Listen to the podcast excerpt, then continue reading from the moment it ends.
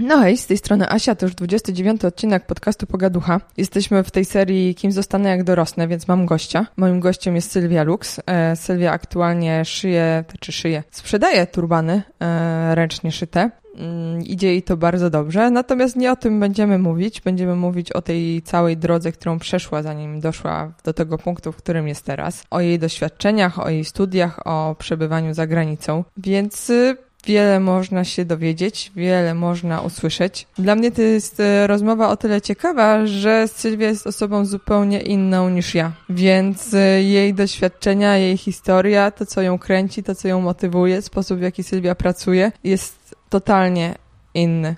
I bardzo się cieszę, że nam o tym opowiedziała. Mam nadzieję, że wy wyciągniecie z tej rozmowy tyle samo, ile wyciągnęłam ja. Mam nadzieję, że może uda wam się nawet wyciągnąć z tej rozmowy więcej, więc zapraszam. Cześć Sylwia, miło mi Ciebie gościć w moim podcaście, ponieważ e, dawno nie było tu żadnej babki, a, a tym bardziej się cieszę, że Ty jesteś z takiej branży, w której ja rzadko bywam i mało ją znam, branży odzieżowo-modowej. Cześć Asiu, dziękuję bardzo za zaproszenie do tego podcastu. Proszę bardzo. Cała przyjemność po mojej stronie. Sylwia, powiedz mi, bo zawsze pytałam każdego gościa, e, skąd my się znamy, żeby było wiadomo, że można znać właścicieli marek odzieżowych bez problemu. Skąd my się mhm. dwie znamy? Tak. O, czy chcesz, żebym to mówiła? Nie. Znamy się e, przez Łukasza, twojego męża. Studiowaliśmy razem z Łukaszem. Mhm. I w ten oto sposób poznałam Sylwię i poznałam cię Ale w momencie... Ale się nie lubiłyśmy chyba na początku. To nie znaczy wiem. ja miałam wrażenie, że ty mnie nie lubisz. A, nie, dla mnie ludzie są zupełnie obojętni. tak? Takie odniosłeś wrażenie? No. Nie, ja nie mam w sobie aż tyle tak. zaangażowania w ludzi, żeby ich nie lubić. Okej, okay, to się uspokoiłam. Nie, nie, nie. Ale poznaliśmy się z Sylwią, ponieważ yy, Sylwia znaczy tak, nie dlatego się poznałyśmy, tylko ty byłaś wtedy na takim etapie życia, że ty byłaś w bardzo, bardzo za, e, wczesnej ciąży. Mm, byłaś już nie, wtedy w ciąży? jak się poznałyśmy, to ja jeszcze byłam na studiach i pamiętam, jak przyjechałaś z Łukaszem na motorze i Łukasz mi chyba przywiózł, co on mi przywiózł? Chyba mi przywiózł, e, o Jezu, router. Tak. Ja mu się rzuciłam na szyję, on mówi, to moja dziewczyna Asia. I tak mi się a, to ja zrobiła. nie zrobiłam. I dlatego sobie pomyślałam, że mnie pewnie nie lubisz. A, to nie, to, to przeceniasz swo, moc swojego uścisku. nie, nie, nie, ten, nie zwróciłam uwagi. Natomiast y, nie, wydaje mi się, że ty wtedy byłaś, bo ty wtedy pisałaś do dziekana już po raz kolejny, że ty musisz przełożyć termin czegoś, ponieważ y, niespodziewanie jesteś w ciąży. Mm, tak Boże, mi się daje. Widzisz, to może ty byłaś masz lepszą, ty masz tak, lepszą pamięć, byłaś... a może okłamywałam dziekana? Być może, albo byłaś jakoś w tej ciąży trzeci dzień. Ale y, wcześniej, zanim, y, zanim byłaś w tej ciąży, znaczy no w tym momencie, w którym się poznałyśmy, y, ty pracowałaś w gdzie? W Thomson Reuters. Korporacja. Korporacji. Źle tak. mówią o tym miejscu. E, wiesz co, myślę, że e, wszystko zależy od tego, na jakiego szefa się trafi. Można pracować w fajnej firmie, a e, osoba, z którą się pracuje, albo osoby, z którymi się pracuje, nie są fajne i wcale to miejsce nie będzie fajnym miejscem do pracy. Więc tak jak to każda korporacja ogólnie chyba ma złą renomę. Korporacja jest fe teraz, wszyscy po prostu narzekają, że Corpo Life nie jest fajne, ale ja akurat e, trafiłam na świetnego szefa, e, taki, który jak najbardziej rozumiał work-life balance. Chociaż w tamtych czasach, jeszcze zanim zaszłam w ciążę, to dużo pracowałam. Lubiłam pracować, jestem typem pracocholika. może dlatego mój szef mnie lubił. Ale mimo wszystko nie. Mi się tam dobrze pracowało, mam dobre wspomnienia z tej firmy. Zresztą cały czas jestem tam zatrudniona. Mhm. Bo właśnie tak mi się wydawało, takie odniosłam wrażenie, że ty byłaś taką corpo girl, jakby taką, która się dobrze tam e, odnajduje w tych strukturach i jakby wie, co tam się robi i dlaczego i jak się wspinać po drabinie, nie? Tak, tak, jestem typem pracocholiczki, lubię pracować i jeszcze na dodatek o zgrozo perfekcjonistki. Myślę, że y, tego typu osoby są doceniane w korporacjach, co siedzą po godzinach i tak, i chcą mieć wszystko po prostu podopinane na ostatni guzik. Tak, no i było to gdzieś tam doceniane i powoli y, ta moja ścieżka kariery w Thomson Reuters się rozwijała. Rozwijała, dokładnie. Ale to była twoja taka e, pierwsza korpo przygoda? Co ty wcześniej robiłaś? Tak, to była moja pierwsza korpo przygoda. Wcześniej w Polsce pracowałam dla firmy, która zajmowała się twarzaniem tworzyw sztucznych, mianowicie y, reklamówek i sprzedażą maszyn do przetwórstwa tworzyw sztucznych. A znalazłam się tam, to jest w ogóle też bardzo ciekawa historia, ponieważ e, zresztą tak samo jak i w Thomson Reuters, dlatego że e, mówię biegle po włosku, a maszyny przede wszystkim, które ta firma sprzedawała, były włoskie i jakby mieliśmy bardzo dużo kontaktów e, z włoskimi dystrybutorami. Stąd mnie tam zatrudniono. Pracowałam w Chwaszczynie. Pamiętam za taką strasznie śmieszną stawkę, ponieważ to był rok chyba 2007 albo 2007, jak wróciłam do Polski z zagranicy i poszłam na to spotkanie i się mnie pan zapytał, mój e, szef e, później, ile chciałabym zarabiać. Powiedziałam, że 2000 i dostałam 2000 brutto, co dawało mi 1410 zł dokładnie. No, mhm. Takie to były czasy. No ale to i tak jak na 2007, to wiesz, no, tam mogłaś dostać chyba 900 na rękę. Myślisz, ale no. no. jakby y, moje obowiązki, y, to co robiłam, oj tam, oj tam były naprawdę. nie, sprzedawałam maszyny i te maszyny były y, bardzo drogimi maszynami. Aha. A czyli to była praca handlowca? Tak, po części tak. Tłumaczyłam oferty z włoskiego na polski. Te oferty wysyłaliśmy do y, polskich klientów. Później, jeżeli taki klient się zdecydował, jechaliśmy z nim do Włoch obejrzeć maszynę. No i jeżeli dochodziło do akceptacji, to podpisywaliśmy umowę. Także byliśmy takim jakby pośrednikiem. Bardzo mi się podoba ta sprzeczność między produkcją reklamówek a aktualną Sylwią, która jest znana z ekologii i niezaśmiecania środowiska. A mhm. tak, ale właśnie co ciekawe, tam się bardzo dużo dowiedziałam na temat ekologii, ponieważ sprzedawaliśmy zakłady do, do recyklingu. To były takie wielkie zakłady. Mm, które kosztowały po 2 miliardy euro i widziałam takie zakłady na własne oczy we Włoszech. Też y, przede wszystkim reklamówki, które wtedy zaczynały wchodzić e, do produkcji, to były reklamówki e, takie biodegradowalne, także jak najbardziej to było miejsce, gdzie troszeczkę bardziej liznęłam tematu od takiej technicznej strony. Także e, myślę, że wiele się tam właśnie nauczyłam wręcz. No, to interesujące właśnie, jak znajdujemy różne rzeczy. E, no dobra, no to już nam się wysypałaś, będziemy jeszcze mówić o tym, co teraz robisz. Spokojnie, spokojnie. Najpierw przepytywanko, e, wróciłaś do Polski. Skąd wróciłaś do Polski? Z Londynu. Londynu. Z Londynu, tak. Po co się wraca do Polski z Londynu? Ty byłaś w Londynie wtedy, jeśli dobrze liczę, w tych jeszcze takich w miarę fajnych czasach. Tak, tak. Tych właśnie, kiedy jak ty wróciłaś, to ludzie zaczęli wyjeżdżać i już powoli kończył się taki ten najlepszy czas tak, dużych ja, pieniędzy. Ja wyjechałam w ogóle e, w 2003 roku, od razu po maturze. E, nie dostałam się na studia na psychologię tutaj w Gdańsku. To były czasy, kiedy było tam 38 osób na jedno miejsce, mm, jakaś długa liczba, e, lista rezerwowych. I postanowiłam, że akurat dostałam propozycję wyjazdu do Anglii, nie, niekoniecznie do Londynu. I było to miasteczko, które się nazywało Tiverton. I pojechałam tam jeździć konno. Jako, że Polska nie była jeszcze w Unii Europejskiej, e, bo dopiero mhm. chwilę później weszliśmy, to pojechałam na wizę au pair, mhm. E, jako au pair, e, zajmować się dziećmi. To jest pracownicze? Nie, jako... tak, to mhm. jest jako niania. Aha. do opieki nad dziećmi, do, do mieszkania mhm. z rodziną. Mhm. I wszystko fajnie, bo tylko taką au pair do koni. Okay. I, I, właśnie tak, zajmowałam się całą stajnią, aczkolwiek dzieci też mi podrzucano pod opiekę. A tak. to była jakaś prywatna stajnia, czy... czy to była rodzina, e, też, też w ogóle niesamowita historia, bo to była rodzina e, taka wręcz tam szlachecka, mhm. E, arystokracja, może tak, angielska. I oni mieszkali przez wiele, wiele lat w Zimbabwe. Prowadzili mhm. tam swoje safari konne i oczywiście jak Mugabe doszedł do władzy, to musieli się ze swoimi wszystkimi diamentami zawinąć i wyjechali właśnie z powrotem, wrócili z powrotem do Anglii. Jako, że byli przyzwyczajeni do tego, że mieli e, służbę e, w mhm. Afryce, to stwierdzili, że muszą sobie taką służbę nabyć e, mhm. również i w Anglii. Także troszeczkę to było tak, że jak tam pojechałam niby tu się zajmować się końmi, to, mm, to też jednak miałam i dom pod opieką, i dzieci, i tak wszystko było na mnie zwalane. Miałam 18 lat wtedy, więc mhm. byłam bardzo młoda, ale na pewno też wiele się od nich nauczyłam. Też takiego trochę ciekawego świata angielskiego liznęłam, ponieważ u siebie w domu organizowali wiele różnych ciekawych spotkań z wieloma ciekawymi ludźmi. i pracowałam dla nich przez 8 miesięcy. A po 8 miesiącach e, siostra e, kobiety, dla której pracowałam, chyba mi trochę zaczęła współczuć, e, ponieważ to był taki dom, gdzie wisiały obrazy tam z 1400 któregoś roku, nie można było swoich gości zapraszać i tak dalej, mhm. więc mając 18 lat, mieszkając na wsi, trochę też człowiek tęskni za takim życiem trochę imprezowaniem e, i zaproponowała mi, żebym właśnie się przeprowadziła do niej do Londynu.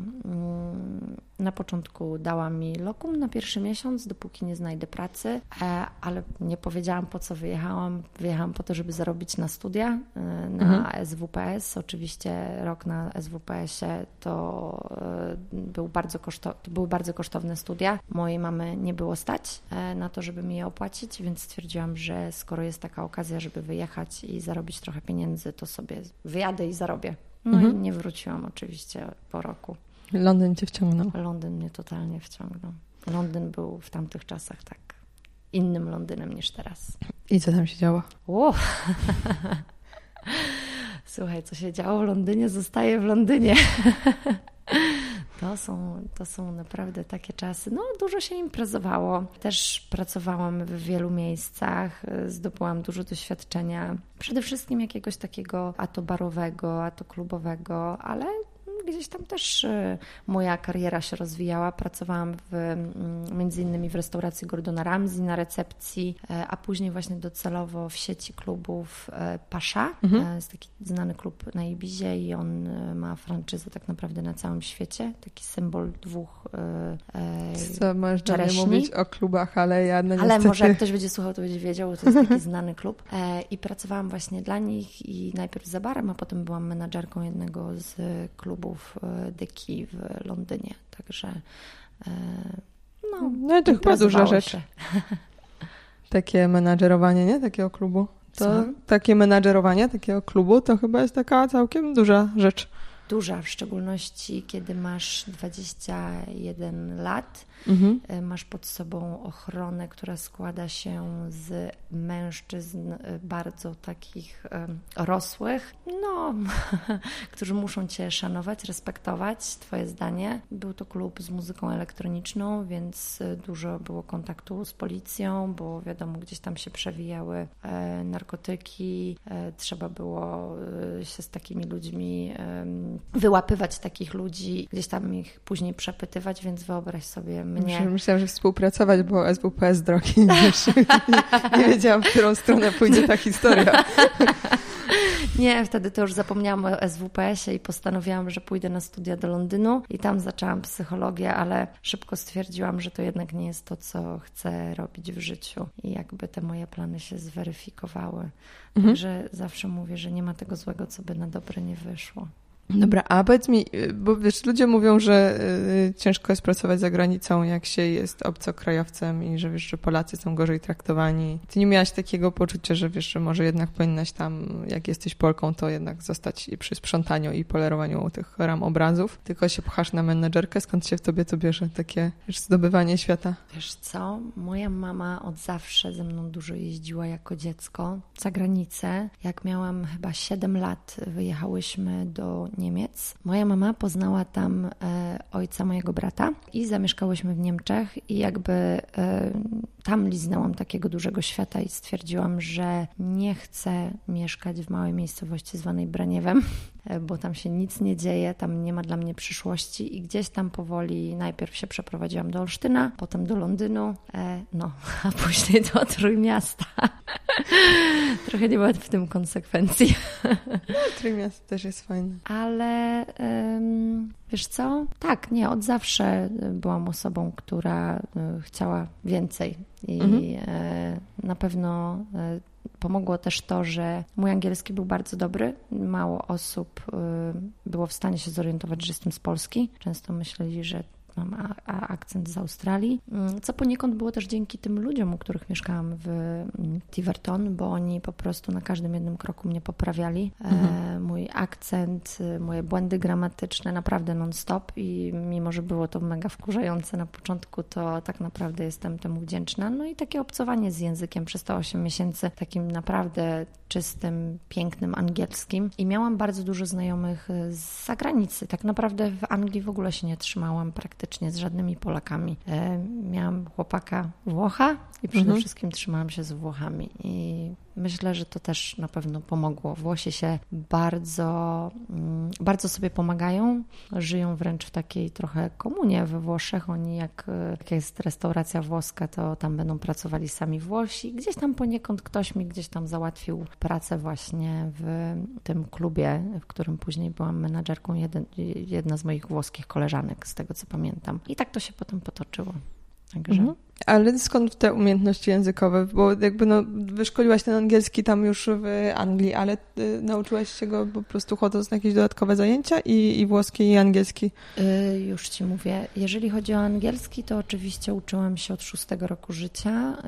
Y, mama mnie w takiej małej miejscowości jak Braniewo, dziwo, mhm. zapisała na angielski. W międzyczasie w szkole mieliśmy też rosyjski, potem wyjechaliśmy do Niemiec, więc był niemiecki. Jakby cały czas te trzy języki, e, angielski, niemiecki, rosyjski, chociaż tak naprawdę i z niemieckiego i z rosyjskiego już nic nie pamiętam, myślę, że pozwoliły na to, że gdzieś tam się osłuchałam po prostu z tymi językami. Mhm. Jak wyjechałam do Londynu i poznałam mojego um, ówczesnego chłopaka, Włocha, co mnie strasznie wtedy jarało, że mam chłopaka Włocha. Mhm. To e, on nie mówił za dużo po angielsku, ale my wtedy dużo nie rozmawialiśmy. To jak ja mu próbowałam coś wytłumaczyć, to siedziałam ze słownikiem e, angielsko-włoskim, mm, a w domu on mieszkał tak z dziesięcioma innymi Włochami i oni przede wszystkim też wszyscy mówili po włosku i nie miałam wyjścia, nauczyłam się po prostu, a bardzo mi się podobał ten język. Mhm. Włoski jest melodyjny, łatwo jest się go nauczyć, więc włoskiego nauczyłam się w Londynie. I poznając chłopaka Włocha nauczyłaś się włoskiego? Tak. Z potrzeby powiedzenia mu czegoś poza miłym spędzaniem czasu i tak. ile to czasu zajęło ta, ta włoska przygoda, bo Wiesz co, e, włoska przygoda z chłopakiem? No Ile i, zajęła, i, czy w, w tym, ogóle? Tak, no i, i z nauczeniem się języka włoskiego. Wiesz jakby. co, myślę, że tak po roku to już naprawdę mówiłam bardzo przyzwoicie. Mhm. E, po roku zaczęłam nawet e, pisać, no bo mhm. on, on, na przykład pisał do mnie wiadomości po włosku. On był taki na bakier z językiem angielskim, więc siłą rzeczy musiałam się też nauczyć pisać, a nigdy naprawdę nie chodziłam na żadne zajęcia. Tak naprawdę dopiero w Polsce, jak wróciłam do Polski i zaczęłam pracować w tej firmie mhm. z tymi maszynami włoskimi, to dopiero tam e, gdzieś tam taką miałam styczność z językiem pisanym w książkach, umowach i tak dalej, a nie tylko i wyłącznie e, mówionym, czy gdzieś tam w filmach, jak oglądaliśmy, czy serialach. A przygoda, przygoda z moim e, włoskim e, chłopakiem trwała on and off około trzech lat, mhm. coś takiego. Nie, staram się, wiesz, określić przepis na e, perfekcyjną naukę włoskiego, jakby jak długo musimy z takim chłopakiem być. Będziesz chciała przekonać Łukasza. Nie, na zamiast, zamiast chodzić i wydawać pieniądze na trzyletni kurs, słuchaj, ja pojadę na rok, poznam Włocha. Nie. Ale mam bardzo dużo przyjaciół z tego okresu. Mm, z wieloma z nich do tej pory utrzymuję kontakt, jeżdżę do nich i jakby dzięki temu ten włoski nadal żyje. Może już nie tak żyje jak kiedyś, no bo jednak tutaj dwójka dzieci, praca, nie mam czasu na to, żeby ten kontakt aż tak utrzymywać wtedy, kiedy tylko i wyłącznie była praca i kiedy można było też dużo więcej jeździć, tak? Ale, ale tak, dzięki temu, że, że ci Włosi oni są tacy bardzo przyjaźni, bardzo kontaktowi, to ten włoski gdzieś tam cały czas żyje, bo z nim utrzymuje kontakt. No, ale to jest fajne, że właśnie jak się jedzie do Włoch, to ci Włosi do ciebie mówią po tym włosku w ogóle się nie przejmując, czy ty ich tam e, rozumiesz, czy nie rozumiesz, tylko jak siedzisz w kawiarni i pijesz kawę, to ktoś jest w stanie się przysiąść do twojego stolika, ponieważ teraz cię podrywa i mówić do ciebie po włosku przez pewien tak, czas. Tak, ale oni też niezwykle doceniają to, jak mówisz do nich po włosku. To jest w przeciwieństwie do francuskich powiedz mi, na czy ja przykład. mówię dobrze, wieta to fumare. Bardzo dobrze. Tylko tyle się nauczyłaś z Włoch. To jest Nie, to, co ci wszyscy mówili po e, włosku we Włoszech. Nie, to sobie przeczytałam. A, Przeczytałam sobie na tabliczce, ale jeszcze umiem kilka brzydkich słów i jeszcze umiem tak ciao myślałam. bello. Ciao bello. No tak, bo to E. też mów- mówili ciao bella, wieta to, wieta to fumare. Tak. bo pewnie próbowałaś palić we wszystkich możliwych miejscach. Tak było, ale wiesz, jeszcze nie dam cappuccino, nie zamówić. No. sobie potrafię. Więc jakby, no, też, też dużo, też dużo. E, dobra, słuchaj Sylwia, bo tak, przyjechaliśmy, twoją karierę londyńską, wróciłaś do Polski, robiłaś w reklamówkach, robiłaś w e, Reutersie i tak, to był ten moment, kiedy ja poznałam dynamiczną kobietę sukcesu, która e, właśnie tutaj sobie lubi się zabawić, tu zaimprezować i tu sobie porobić karierę. I potem jakoś tak cisza, cisza i Sylwia jest matką dwóch dzie- dwójki dzieci, siedzi w domu, gotuje obiadki i całe jej życie kręci się wokół tego, że te dzieci trzeba e, ubrać, oprać, ubrać, oprać, e, laktacja i te sprawy. I potem znowu e, minęła chwila i Sylwia jest właścicielką marki odzieżowej, e, która aktualnie jest e, najbardziej rozpoznawalną chyba marką taką, która robi turbany na głowę, przynajmniej e, jeśli ja mówię turban, to każdy mówi, a wiem, jest taka laska z Sopotu, która takie turbany szyje, więc, więc się udało. Zaprosiłam Cię, żebyś nam powiedziała o tym, jak się robi taki Turbany? dobrze prosperujący. Tak, że sami, sami sobie uszyjemy. Nie, jak się robi, wiesz, dużo osób e, ma taki pomysł, bo nie lubi korporacji, nie odnajduje się w tym, wiesz, czy coś tam, i czy pracy, w której jest i myśli sobie, że a zajdę w ciążę, urodzę dziecko i w tym czasie rozwinę własny biznes. Jeszcze z jakiegoś powodu mówią na to kobiece biznesy i wydaje mi się, że przez kobiece biznesy często rozumiemy nierentowne biznesy. Wiesz, jest taki pomysł domyślnie na różnych grupach takich kobiecych forach, to czasami jak się pytam, ktoś tam przedstawia swoje biznesplany i na przykład prosi o pomoc, ja się pytam, gdzie to by miało zarabiać, nie? W którym punkcie, no to oni mówią, nie, nie, bo to jest taki mój mały kobiecy biznes. No więc ja od razu chciałam w podcaście wytłumaczyć, że kobiecy biznes nie znaczy nierentowny biznes i jeśli u mnie są kobiety, które robią biznesy, które są kobiece, ponieważ na przykład nie możemy rozumieć kobiecy przez to, że jesteś kobietą i że go tworzysz i że y, sprzedajesz produkty adresowane do kobiet. Tak. Póki Na co. tym polegają Może kobiece biznesy. Może później będą adresowane również do mężczyzn. Tak. Zobaczymy. Ale będą turbany nosić mężczyźni? Zobaczymy, poczekamy, zobaczymy. Pożyjemy, zobaczymy. A tobie się udało rozkręcić. No, no i oczywiście problem jest taki, że potem się okazuje, że dzieci są absorbujące i ciężko jest tak naprawdę rozkręcić biznes e, na macierzyńskim, a ty to ogarnęłaś. Jest ogromnie ciężko. E, Ja też miałam taki plan. E, Mimo, że bardzo lubiłam swoją pracę, to wiedziałam, że jeżeli dojdzie do tego momentu, kiedy urodzę dzieci, chociaż zarzekałam się, że Mhm. wrócę szybko do pracy. Mówiłam nawet, że po sześciu miesiącach. Zresztą pierwsza ciąża moja to była praca do mm, końca szóstego miesiąca ciąży, więc y, to jest długo jak na polskie warunki. Y, Ja naprawdę chciałam pracować y, i pewnie pracowałabym jeszcze dłużej, gdyby nie jakieś tam problemy zdrowotne podczas ciąży, które się pojawiły i mój lekarz, który stwierdził, że jednak trochę musimy pomyśleć o sobie i o dziecku, e, a nie tylko o pracy. Tak, mówiłam, że wrócę szybko do pracy, ale w międzyczasie też będę rozmyślała nad jakimś pomysłem na biznes swój własny, bo jednak chciałabym robić coś własnego. Takich pomysłów w moim życiu się przewijało multum. Jako, że pracowałam jako menadżerka klubu to yy, i pracowałam w, w eventach tak naprawdę, bo organizowaliśmy dużo fajnych eventów, nie tylko takich imprez komercyjnych, ale również koncertów. Red Hot Chili Peppers, Madonna u nas kręciła swój teledysk. Były naprawdę bardzo A ciekawe. tak mówisz jakby Takie to... tam, no. E, To były bardzo ciekawe rzeczy i sobie pomyślałam, że może w Polsce mogłabym... Byłaś w jednym pomieszczeniu z Madonną? I, I w eventach, e, czy ja byłam w jednym No. pomieszczeniu z Madonną? Tak, byłam w jednym pomieszczeniu z Madonną. E, Nie wiem, czy pamiętasz teledysk na rolkach? Nie. Czy to nie jest ten Time Goes By? Aha, nie wiem, ale Chyba ten. być. Ale mo, już mogę nie Mhm. pamiętać, bo to było dawno temu. I on jest na rolkach i ona go kręciła y, w klubie Canvas. My mieliśmy imprezę, która się nazywała Roller Disco. Mhm. Nawet chciałam taką imprezę zrobić w Polsce. Jak przyjechałam, mówię, musi być coś takiego, impreza na rolkach. E, I ona tak, ona kręciła ten teledysk u nas na, na, na, w naszym klubie. Ja, przerwałam ci, przepraszam, bo się Tak. podekscytowałam Madonną. Wiem. e, tak, no ja byłam bardziej podekscytowana Red Hot Chili Peppers niż Madonna. I na czym to ja skończyłam. Więc myślałam, żeby też może eventy tutaj robić. No ale wylądowałam w tym Trójmieście i Trójmiasto pod kątem eventów jest ciężki. Cię, cięż, ciężką lokalizacją. E, zaczęłam myśleć o tym, że to może powinnam się do Warszawy przeprowadzić, no bo to było takie moje ostatnie doświadczenie, które miałam, więc chciałam to przekuć w sukces. Mhm ale mój mąż tutaj e, pracuje, pracował, pracuje, jest e, bardzo e, lojalny wobec swojej firmy, więc w ogóle nie było opcji, żebyśmy się wyprowadzili do Warszawy, mimo że bardzo nalegałam. Zorganizowaliśmy nasz ślub, który też jak na tamte czasy to był 2012 rok. Zrobiliśmy taki boho, boho wesele z boho ceremonią na zewnątrz, to było nad morzem morzem. To jeszcze w ogóle u nas takich bohoślubów nie mhm. było, teraz to jest wszędzie. Mm, ja różne rzeczy musiałam robić sama, e, sprowadzać wiele rzeczy ze Stanów Zjednoczonych i sobie pomyślałam, super. Eventy to może śluby.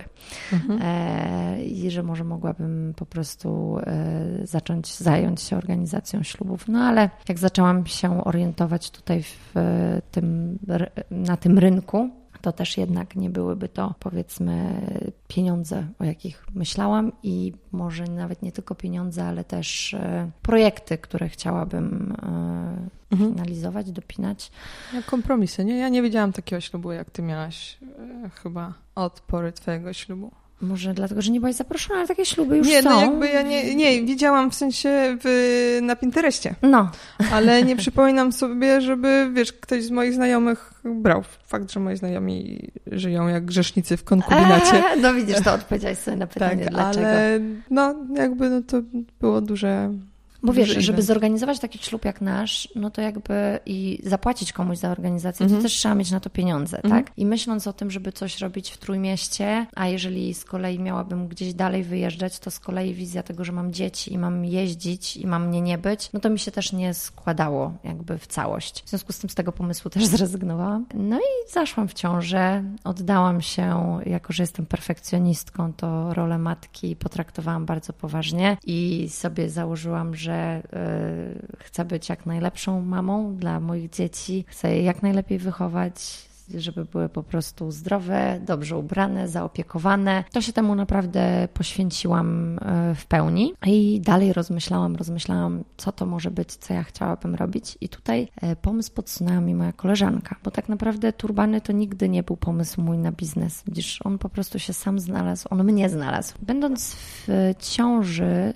z Teo w piątym miesiącu, byliśmy w Meksyku, Playa del Carmen. Byliśmy w takiej e, restauracji kubańskiej i tam oto zobaczyłam pierwsze turbany, bo na Kubie się turbany nosi i tam były dziewczynki, które właśnie miały e, turbany na głowach. Jak to zobaczyłam, mówię, Boże, jakie to jest piękne. Jak będę miała córkę, oczywiście byłam w ciąży z chłopcem, mówię, to koniecznie będę chciała, żeby moja córka taki turban nosiła.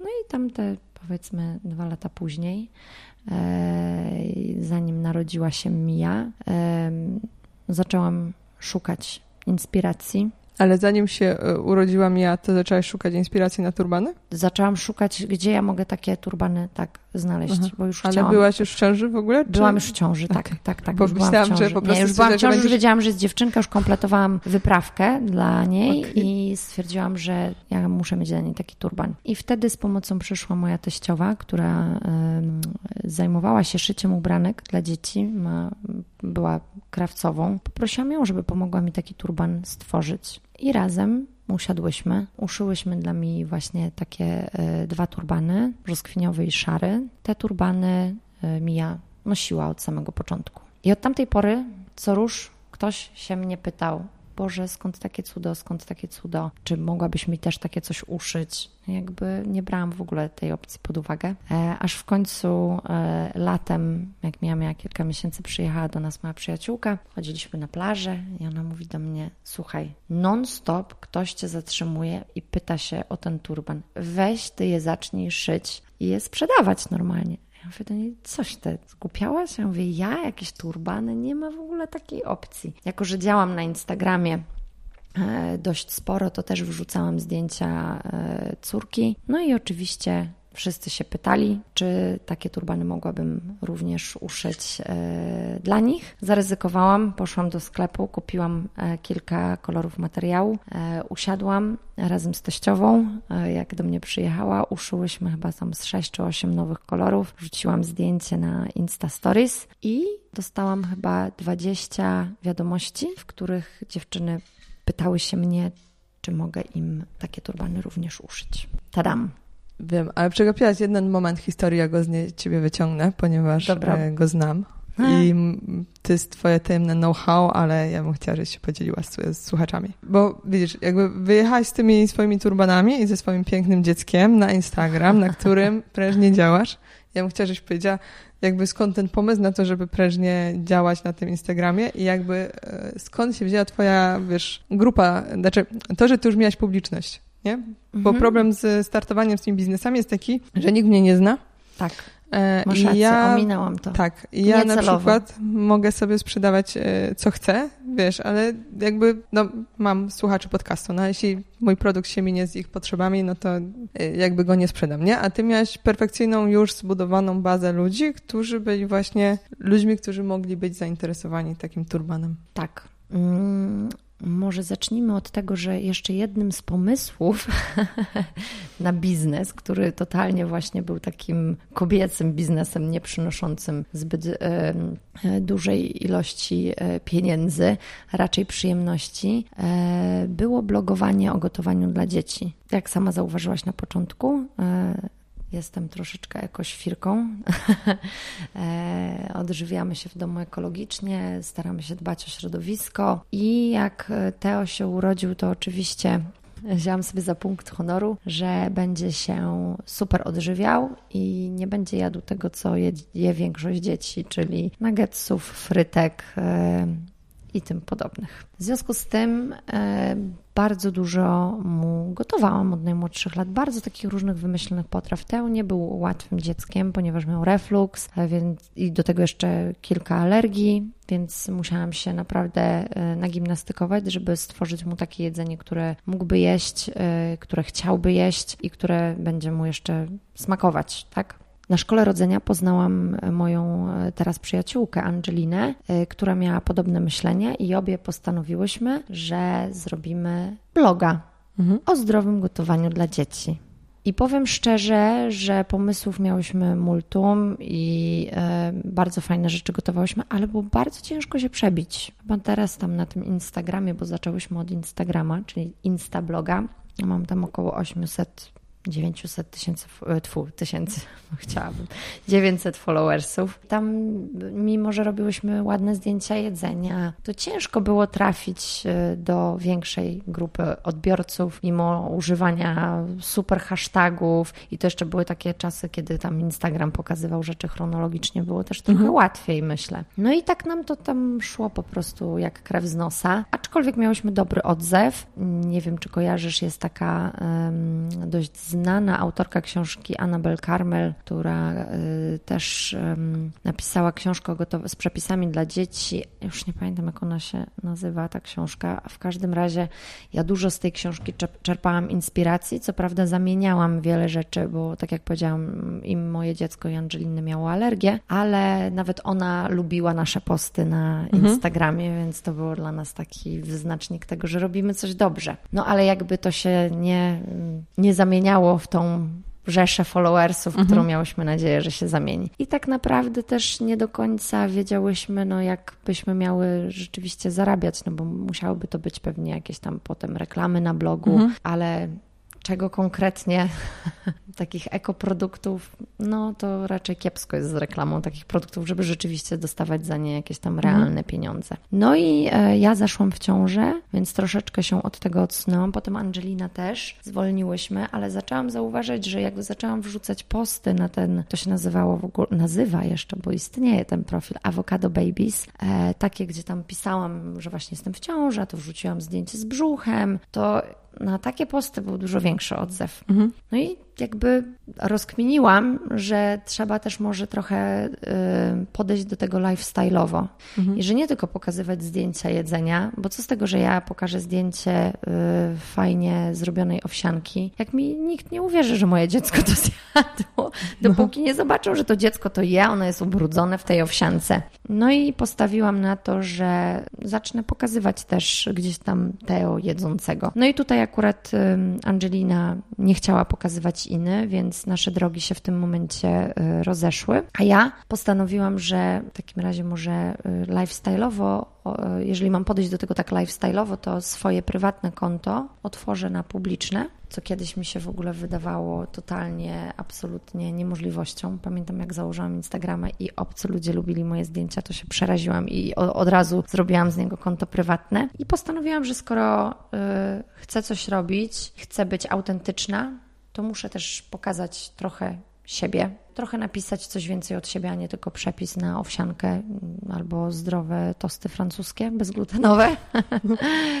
I w ten oto sposób, pokazując jakąś cząstkę swojego świata, zebrałam wokół siebie jakąś tam mhm. liczbę obserwujących mnie osób, która potem z racji tego, że to były osoby, które posiadały dzieci, chciała później ode mnie kupić te turbany.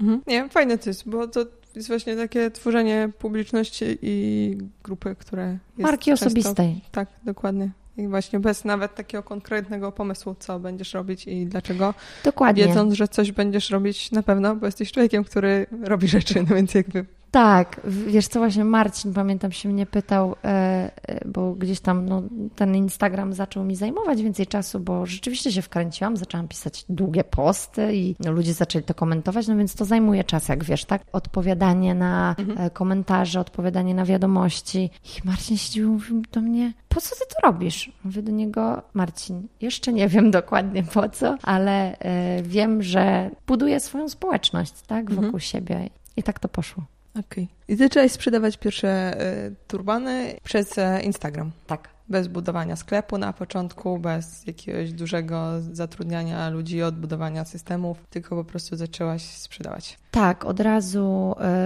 y, widzisz, u nas, znaczy u mnie to jest tak, że ten sukces to jest e, tak naprawdę składowa wielu czynników, między innymi też tego, że e, mój mąż jest tutaj bardzo pomocny. Ja sama bym żadnego sklepu nie zbudowała, ale mój mąż zna się na takich rzeczach i widział, że to mi dużo czasu zajmuje, e, bo próbowaliśmy ze sklepem najpierw na Facebooku. Tam była taka opcja, ale to było dość czasochłonne i mój mąż sobie za punkt honoru postawił, że on mi ten sklep postawi. Mhm. I on mi jakby pomógł tutaj we wszystkim. Mhm. E, postawił mi sklep. O, to jest uroczy masz. Tak, ale oczywiście zrobił to y, na bazie szablonu. Y, mamy sklep w Shoplo. Mhm. E, w związku z tym e, to było dużo prostsze. Nie trzeba było tego budować e, od samego początku, tylko było to po prostu na bazie szablonów dostępnych w Shoplo i tak naprawdę trzeba było tylko podstawić zdjęcia, opisy produktów i troszeczkę tam się pobawić z mm, orientacją strony, tak? Mhm. Ale poza tym jakby cała reszta naprawdę Shoplo tutaj polecam jako taki właśnie serwis do tworzenia sklepów internetowych, bo daje świetne możliwości.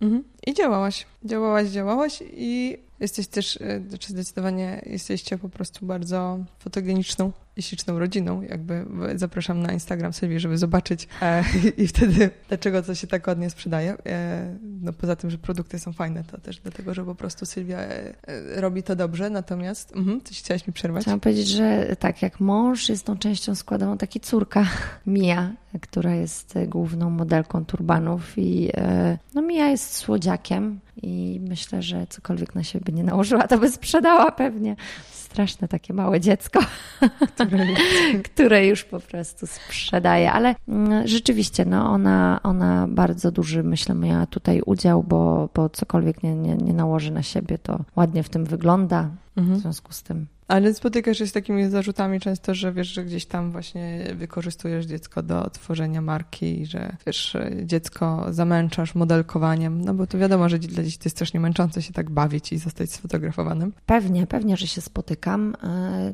w ogóle też to, że pokazuję, e, wszystko, jak to niektórzy myślą, mhm. bo wiesz, ktoś myśli, że jeżeli widzi e, 5 minut Insta Story z twojego dnia, to że wszystko mu cały dzień mu pokazałaś. No a wiemy, że to jest tak naprawdę jakiś wycinek i tylko taki, który ty chcesz pokazać, tak? Bo ty Zarzu... nagrywasz dużo Insta Story, dużo, nie? Dużo, dużo. I to nagrywam. się przekłada na takie wyniki właśnie, wiesz, followersów, sprzedaży, wiesz, biznesowo patrząc, na, wizę, na, na, na markę, to Instastory to Wiesz działa? co, ja prowadzę dwa osobne profile. Aha. E, jeden ten mój prywatny, publiczny, a drugi e, turbanowy. E, jakby staram się nie mieszać za bardzo. Od samego początku stworzyłam drugi profil, ponieważ wiedziałam, że nie każdego, nie wszyscy, którzy mnie śledzą, mają dzieci, nie wszystkich interesują turbany. W związku z tym nie chcę jakby zaśmiecać sobie tego swojego profilu prywatnego tymi turbanami tam cały czas, nie wiem, z jakąś reklamą e, ludzi zamęczać. Więc rozdzieliłam to.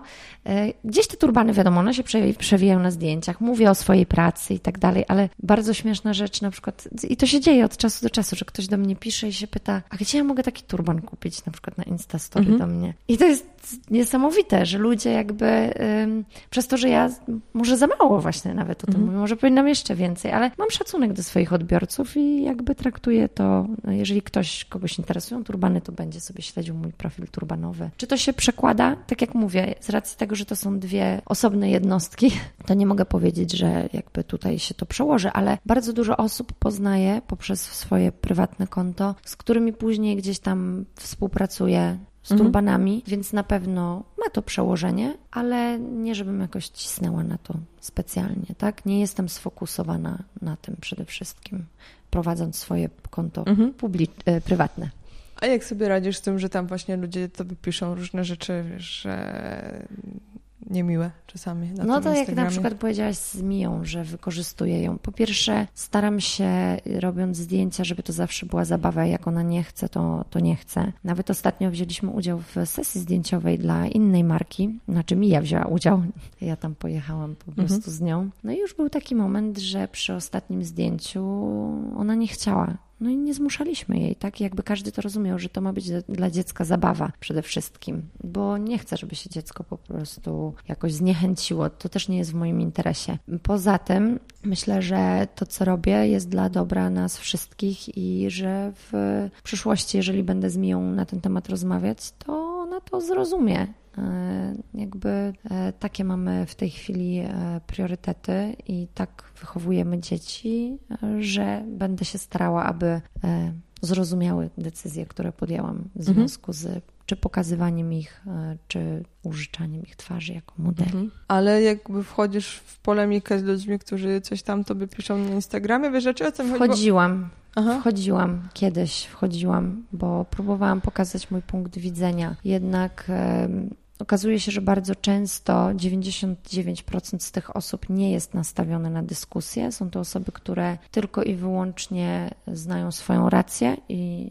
nie biorą pod uwagę żadnej innej. I potem to jest tak, że tracisz energię i czas mhm. na tego typu dyskusje. Staram się nie wchodzić.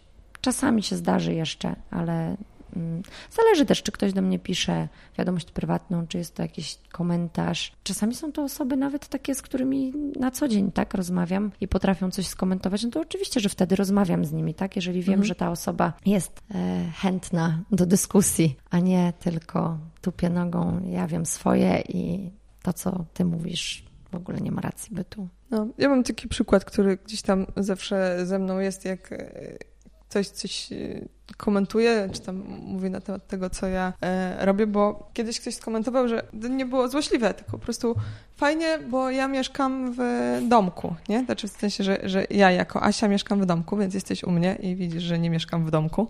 I się bardzo mocno zastanawiałam, co ja napisałam takiego na blogu, co by mogło sugerować kiedykolwiek, że ja mieszkam w domu, a nie w na moim lofcie, zwanym też przez złośliwych poddaszem.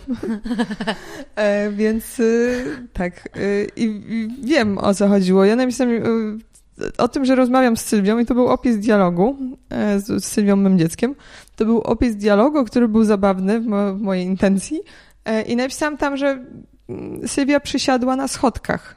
I e, ona przysiadła na takich schodkach z Ikei, takich dla niskich ludzi, którzy chcą wyjąć rzeczy z szafy. I jakby no i to zupełnie nie było istotne dla historii, no po prostu coś się musi w historii dziać poza dialogiem, więc w tej historii przysiadała na schodkach i ktoś to w swojej głowie zinterpretował jako schody, a jak schody to dom, więc y, ta pani z bloga, to ona mieszka w domu, a ja to się duszę w mieszkaniu. Jakby ta historia tak powstała, nie? I jakby to tłumaczy, jak rzeczy działają w ludzkich mózgach e, podczas czytania i skąd się biorą różne nieporozumienia, no i pewne rzeczy można tłumaczyć, a jakby oni sobie to sami interpretują. Ale strasznie mi się podobało to, jak, tak. jak doszło do tego mieszkania w domu. Chciałabym, żeby to było tak proste. Ale ludzie są niesamowicie wnikliwi. Ja pamiętam, jak przyjmowałam tabletki, jak mi ja urodziłam e, tabletki Viridian, to był taki pregnancy complex e, i przyjmowałam go dalej, bo jestem, bo karmiłam piersią i to były jakby jeszcze początki. To oczywiście ktoś gdzieś tam zobaczył i już było, że jesteś w ciąży, jesteś w ciąży.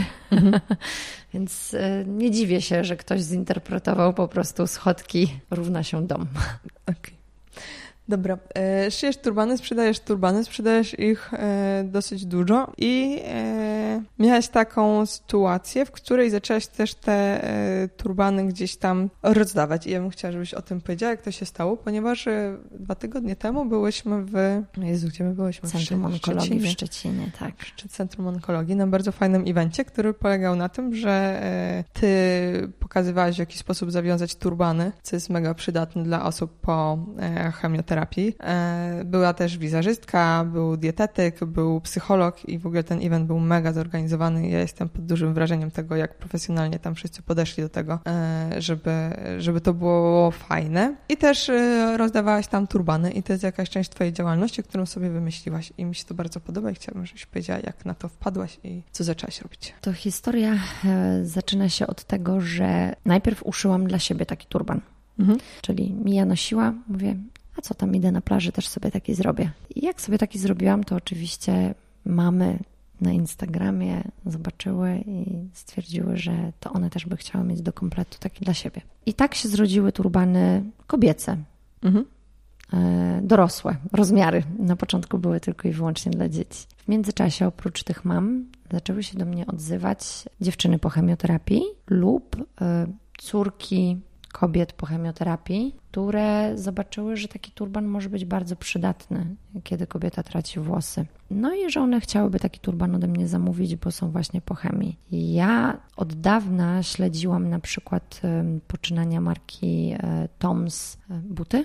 Mhm. E, I bardzo mi się podobało to, że oni poprzez tam sprzedaż swoich butów, że każda para butów to jest darmowa para butów dla kogoś w, już nie pamiętam, co, gdzie to jest, w Peru czy mhm. tak mi się wydaje, że gdzieś Ameryka mhm. Południowa. Mhm. Jakby też nie miałam serca wiedząc, e, jakie to są koszty, jeżeli chodzi o nie tylko chemioterapię, bo wiadomo, no, niektóre leki są refundowane, ale są też leki nierefundowane, ale poza tym tam jest rehabilitacja, suplementy, ekologiczna żywność, jakieś, no, tam po prostu mnóstwo pieniędzy na to idzie, jak człowiek choruje. No, no nie mhm. oszukujmy się. Stwierdziłam, że kurczę, zrobię po prostu ten turban i podaruję go jednej, drugiej, tam trzeciej babeczce. I e, zaczęłam rozmawiać z moim mężem, że chciałabym chyba e, w takim razie, jeżeli jest e, na to popyt wśród właśnie osób chorych, chciałabym może w takim razie takie osoby wspomóc poprzez sprzedaż swoich turbanów.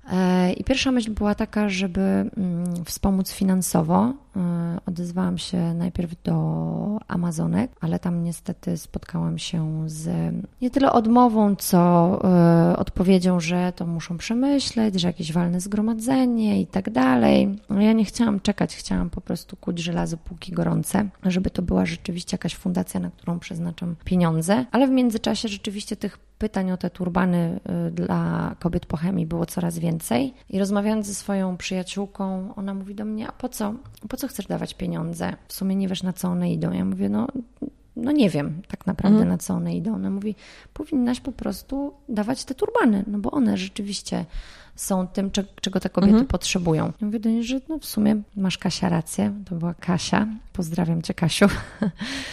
I wtedy Moja przyjaciółka Angelina, jakiej powiedziałam o tym swoim pomyśle i o tym, że się właśnie odbiłam trochę od ściany z Amazonkami, mówi, że ma koleżankę Anię i Ania działa w Stowarzyszeniu Niebieski Motyl i ona do niej napisze, co ona o tym myśli. I Ania od razu była na tak. Z Anią się dzwoniłyśmy w przeciągu kilku tygodni, chyba tam dwóch, Ustaliłyśmy, jak to mniej więcej miałoby wyglądać. Ania dodała mnie do y, grupy na Facebooku. Tam zarzuciłyśmy pytanie, kto by mhm. chciał taki turban bardzo był duży odzew. E, no i w ten oto sposób wpisałam w swoją działalność, e, działalność charytatywną i od e, tamtej pory przeznaczam 10% ze sprzedaży turbanów na darmowe turbany dla kobiet po chemii ze Stowarzyszenia Niebieski Motyl. Najpierw były turbany które rozdawałam przez to mhm. forum, a potem dziewczyny widziały, że ja też wiążę sobie takie turbany mhm. kreolskie, e, czy e, kubańskie, czy afrykańskie na głowie i bardzo im się to spodobało. Zapytały się mnie, czy może ja bym chciała na taki warsztat przyjechać i nauczyć je, jak takie chusty wiązać. No i ja powiedziałam, że bardzo chętnie, że pewnie. E, no i tak był pierwszy warsztat w Kielcach.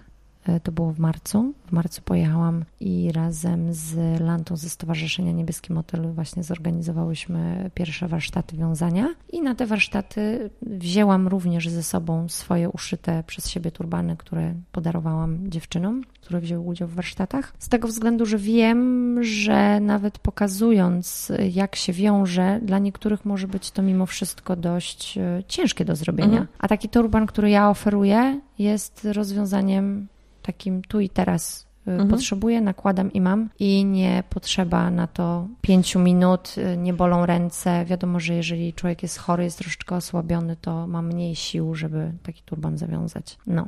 I dlatego ty pojechałaś potem ze mną do Szczecina i widziałaś, jak to wygląda tak. i takich warsztatów będzie teraz więcej. Tak, bardzo, bardzo mnie to cieszy. Dobra, dokąd zmierzasz z tą swoją firmą? Wiem, że sky is the limit, ale ja pytam o następny krok. Na pewno będę powiększała asortyment, nie tylko będą to turbany. Mhm. E, w planach mam również inne akcesoria, a kto wie, może i e, odzież. E, powiem szczerze, że ta popularność turbanów wręcz mnie przerosła. Ja bardzo pracowałam na to, żeby te mhm. turbany mhm. Chwyciły. Mówię o tym, że naprawdę wysłałam bardzo dużo darmowych turbanów do różnych znanych osób. To rzeczywiście zaskoczyło, mm, dlatego tak jak mówisz, że ktoś, jak mówisz o turbanach, to ktoś ci mówi, że tak, tak, znam taką laskę z Sopotu.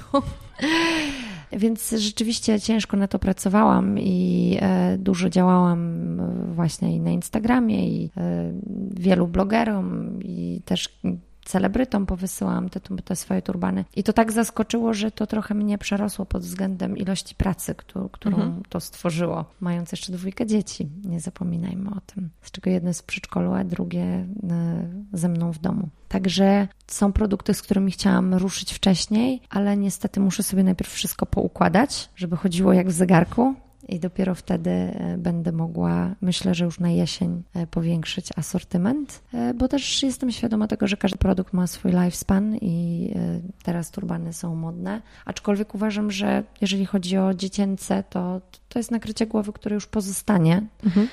które się wpisało na stałe, ponieważ jest to produkt, który jest naprawdę ładny, który pięknie mhm. wygląda i on się sam po prostu broni. Mm, więc to jest o... wygodne, nie? W porównaniu jest... z czapeczkami, z daszkiem na przykład, czy coś tam, które próbujemy założyć mamy chłopcom i to po prostu gdzieś tam uwiera i kuje, no to... Tak.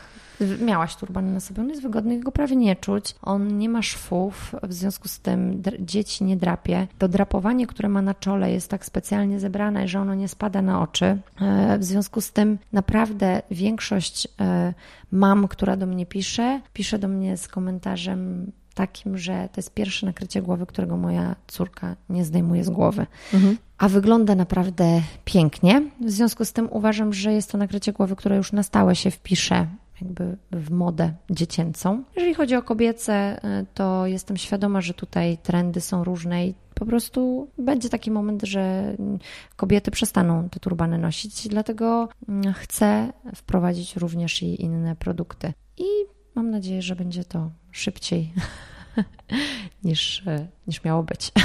No. Da, dziękuję Ci bardzo, że przyszłaś i że nam popowiadałaś i że mogliśmy zobaczyć, jak wygląda przemyślany kobiecy biznes, który został wypracowany. I taki, który łączy e, robienie fajnych rzeczy i robienie dobrych rzeczy. I taką właśnie spójność. Tu do, do Kamili Goryszewskiej z takiego podcastu słucham, gadam, teraz piję, bo e, ona zawsze lubi rzeczy takie spójne i konsekwentne, a jakby to, co ty robisz jest totalnie spójne z tym, e, jakim jesteś człowiekiem i jakiego znam człowieka i strasznie mnie to zawsze cieszy, jak ktoś robi coś takiego, co nie jest e, na siłę, bo twoja marka się nazywa, no powiedz jak się nazywa. Lux by Lux, dlatego że mam na nazwisko Lux, więc się identyfikuję z moim tak, nazwiskiem. ale jest taką marką bardzo e, luksusową. ale no jakby, jeśli ktoś może wypuszczać markę luksusową, no to, to Sylwia. Tak, tak ja uważam. Nazwisko zobowiązuje. Może jeszcze tylko dodam tobie, że w kwestii tej spójności e, na pewno dużo osób docenia to, że wiedzą, od kogo kupują ten produkt, mhm. znają mnie. Nie jestem tylko i wyłącznie firmą, mhm. ale jestem osobą, znają moją historię, zawsze też mogą zobaczyć, tak, jak mhm. wygląda backstage mojej pracy, na przykład siedzenie do późnych godzin, plus jakby mm, robię relacje teraz z tych warsztatów, w czym ty mi pomogłaś, mhm. żeby każdy mógł zobaczyć, e, na co rzeczywiście te e, pieniądze idą i myślę, że to się ludziom bardzo podoba i ludzie chcą pomagać to jest na pewno też e, klucz e, tego, dlaczego e, na przykład wybierają tak, tą markę.